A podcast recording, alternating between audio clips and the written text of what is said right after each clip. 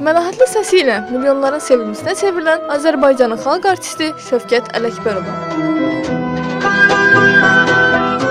Şövkət Ələkbərova 1922-ci il oktyabrın 20-sində Bakıda Feyzullah kişinin ailəsində dünyaya göz açır. O hələ uşaqlıqdan musiqiyə böyük həvəs göstərir. Bunu görən anası Hökümə xanım balaca Şövkəti kamança sinfinə verir və beləcə onun musiqi ilə ilk tanışlığı başlayır. Mən onudan ulduzum Nazım şəfək sanardım Kimə inanmasan da Çox keçmir ki, Şövkət səhnə həyatına qəddəm qoyur. Bu şans heç gözləmədiyi bir vaxtda qarşısına çıxır. Anası Hökümə xanım qadınlardan ibarət orkestrdə tar çalırdı. Şövkət də tez-tez anası ilə birgə məşqlərə gedirdi. Bir gün orkestr Dağüstü parkda konsert qabağı məşq edir. Konsertdə iştirak etməli olan ifaçılardan biri məşqə gəlmədiyindən dirijor onun əvəzinə məşqdə ifa etməyi Şövkətə təklif edir. Təklifi qəbul edən 16 yaşlı Şövkət ifa etdiyi Gəlmə gəlmə mahnısı ilə qulaq asan hər kəsi səsinə heyran edir. Hətim böyükdür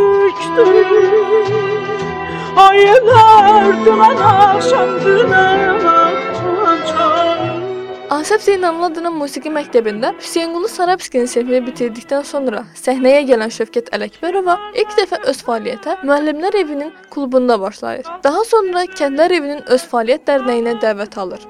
1938-ci ildə Bakıda Respublika Mədəniyyət Nazirliyi və Həmkarlar İttifaqı öz fəaliyyət kollektivlərinə baxışlar təşkil edir. Geniş miqyaslı festivallar keçirirlər. Bu festivallarda hər bir istedad qiymətləndirilir, qaliblər diplomlarla, medallarla və müxtəlif mükafatlarla həvəsləndirilirlər. Şövkət Ələkbərova da belə festivallardan birində qalib olur. 1938-ci ilin əvvəllərində opera və balet teatrında festivalın yekun konserti keçirilir. Münsiflər heyətində Üzeyir bəy Hacıbəyov, Bülbül, Səid Rüstəmov və başqaları var idi. Şövkət Ələkbərova Qarabağ şikəstəsini böyük məharətlə ifa edir. Onun çıxışını çox bəyənən və xüsusi olaraq qeyd edən Üzeyir bəy Hacıbəyov Şövkəti filarmoniyaya çağırır və işə götürür. Elə məhz həmin gündən Şövkət Ələkbərovanın professional səhnə həyatı başlayır.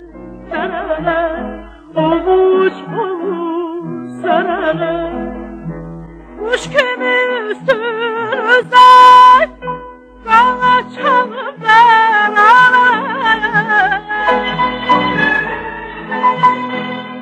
Beləliklə Şövkət Ələkbərova 1938-ci ildən Azərbaycan Dövlət Filarmoniyasının mahnı və rəqs ansamblının solisti olur. O, bu vəzifədə 1945-ci ilə qədər çalışır.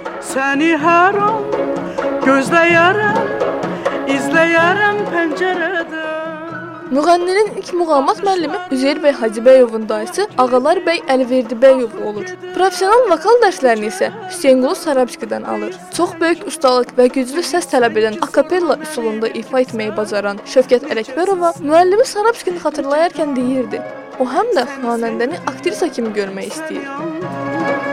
Erişimdə Şövkət Ələkbərovanın xanəndə yaradıcılığının zirvəsinə ucalmasında Üzeyir bəy Hacıbəyov və Hüseynqulu Sarabski ilə yanaşı Bülbül, Xanşunski və Zülfü Adıgözəlovun da böyük rol heç olur. bilmirəm necə oldu bu sevdaya O 2-ci Dünya müharibəsi illərində də yaradıcılığına ara vermir. Daha böyük əzmlə çalışır. Həmin dövrdə Şəfqət bacısı, Adımla Əskər, Yaxşı yol mahnılarını ifa edir. Lakin səsi ilə tanımaq mümkün olmadığından həmin mahnılar yalnız yaddaşlarda yaşayır.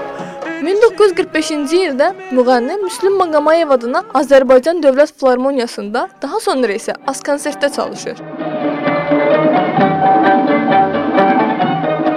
Yaradıcılığın 3-cü mərhələsi 50-ci illərə təsadüf edir. Xanəndənin ifasında qatar, segah, şahnaz muğamları yeni nəfəs tapır. Onun ifasında Qarabağ şikəstəsi, Süsən Sümbül, Dəli Ceyran, Ay qadası, Yar gəldi, Kürdün gözəli, Ceyran, Gül açdı kimi sevilən mahnılar da səslənir. Baraklara Azərbaycan bəstəkarlarının və Orta Şərq xalqlarının mahnılarını ifa edən müğənninin repertuarında Ənəlhəlq, Füzuli, Ay işığında, Oxutar, Eşqimdə təmannasızam, tellər oynadı. Küsüb məndən, bir könül sındırmışam, bayram şamları, durnalar, get mamandı, Şəki, Bakı gecələri, Qubalı qız, dərələr, ağ çiçək kimi yaddaşlarda iz qoyan mahnı kantatalar və mahnılar yer alır. Çiçək, çiçək, ya çiçəyi Ömrümə bəzək, Nəzakətli, yumşaq tembrli səsi olan Şövkət Ələkbərova müxtəlif filmlərin mahnılarını da səsləndirir.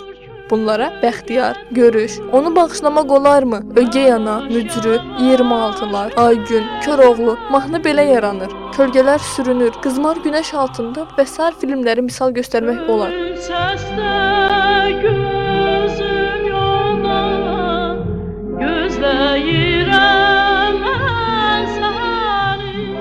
Şövkət Ələkbərova Azərbaycanın SSR-nin bir çox şəhərlərində, eyni zamanda Fransa, İsveçrə, Şri-Lanka, Əfqanistan, Hindistan, Misir, Türkiyə, İran, Polşa və digər xarici ölkələrdə uğurla təmsil edir. O 1954-cü ildə Azərbaycanın əməkdar artisti, 1959-cu ildə isə Azərbaycanın xalq artisti fəxri adına layiq görülür.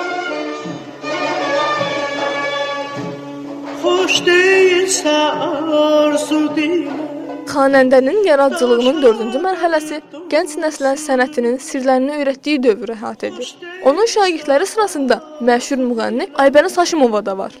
Yaradıcılığının 4-cü dövrü onun həmçinin ağır itkilər verdiyi dövrdür. Mən çox gün görmədim Bil ki dünyada Həyat yoldaşı məşhur kino rejissor Lətif Səfərov qəfil dünyasını dəyişir. Oğlu Bəşirin övlad sahibi ola bilməməsi, qızı Natellanın ağır xəstəlikdən sonra 1992-ci ildə vaxtsız ölümü müğənninin səhhətini daha da pisləşdirir. Bil ki dünyada O əvvəlcə Almaniyada müalicə alır. Daha sonra isə müalicəsi Səhiyyə Nazirliyinin 4-cü baş idarəsinin xəstəxanasında davam etdirilir. Lakin çox təəssüf ki, xalq artisti Şövkət Ələkbərova ölümün caynağından xilas ola bilmir. Yada 1993-cü il fevral ayının 7-sində dünyasını dəyişir. Müğənninin məzarı Bakı şəhərində 1-ci Fəxri xiyabanda yerləşir.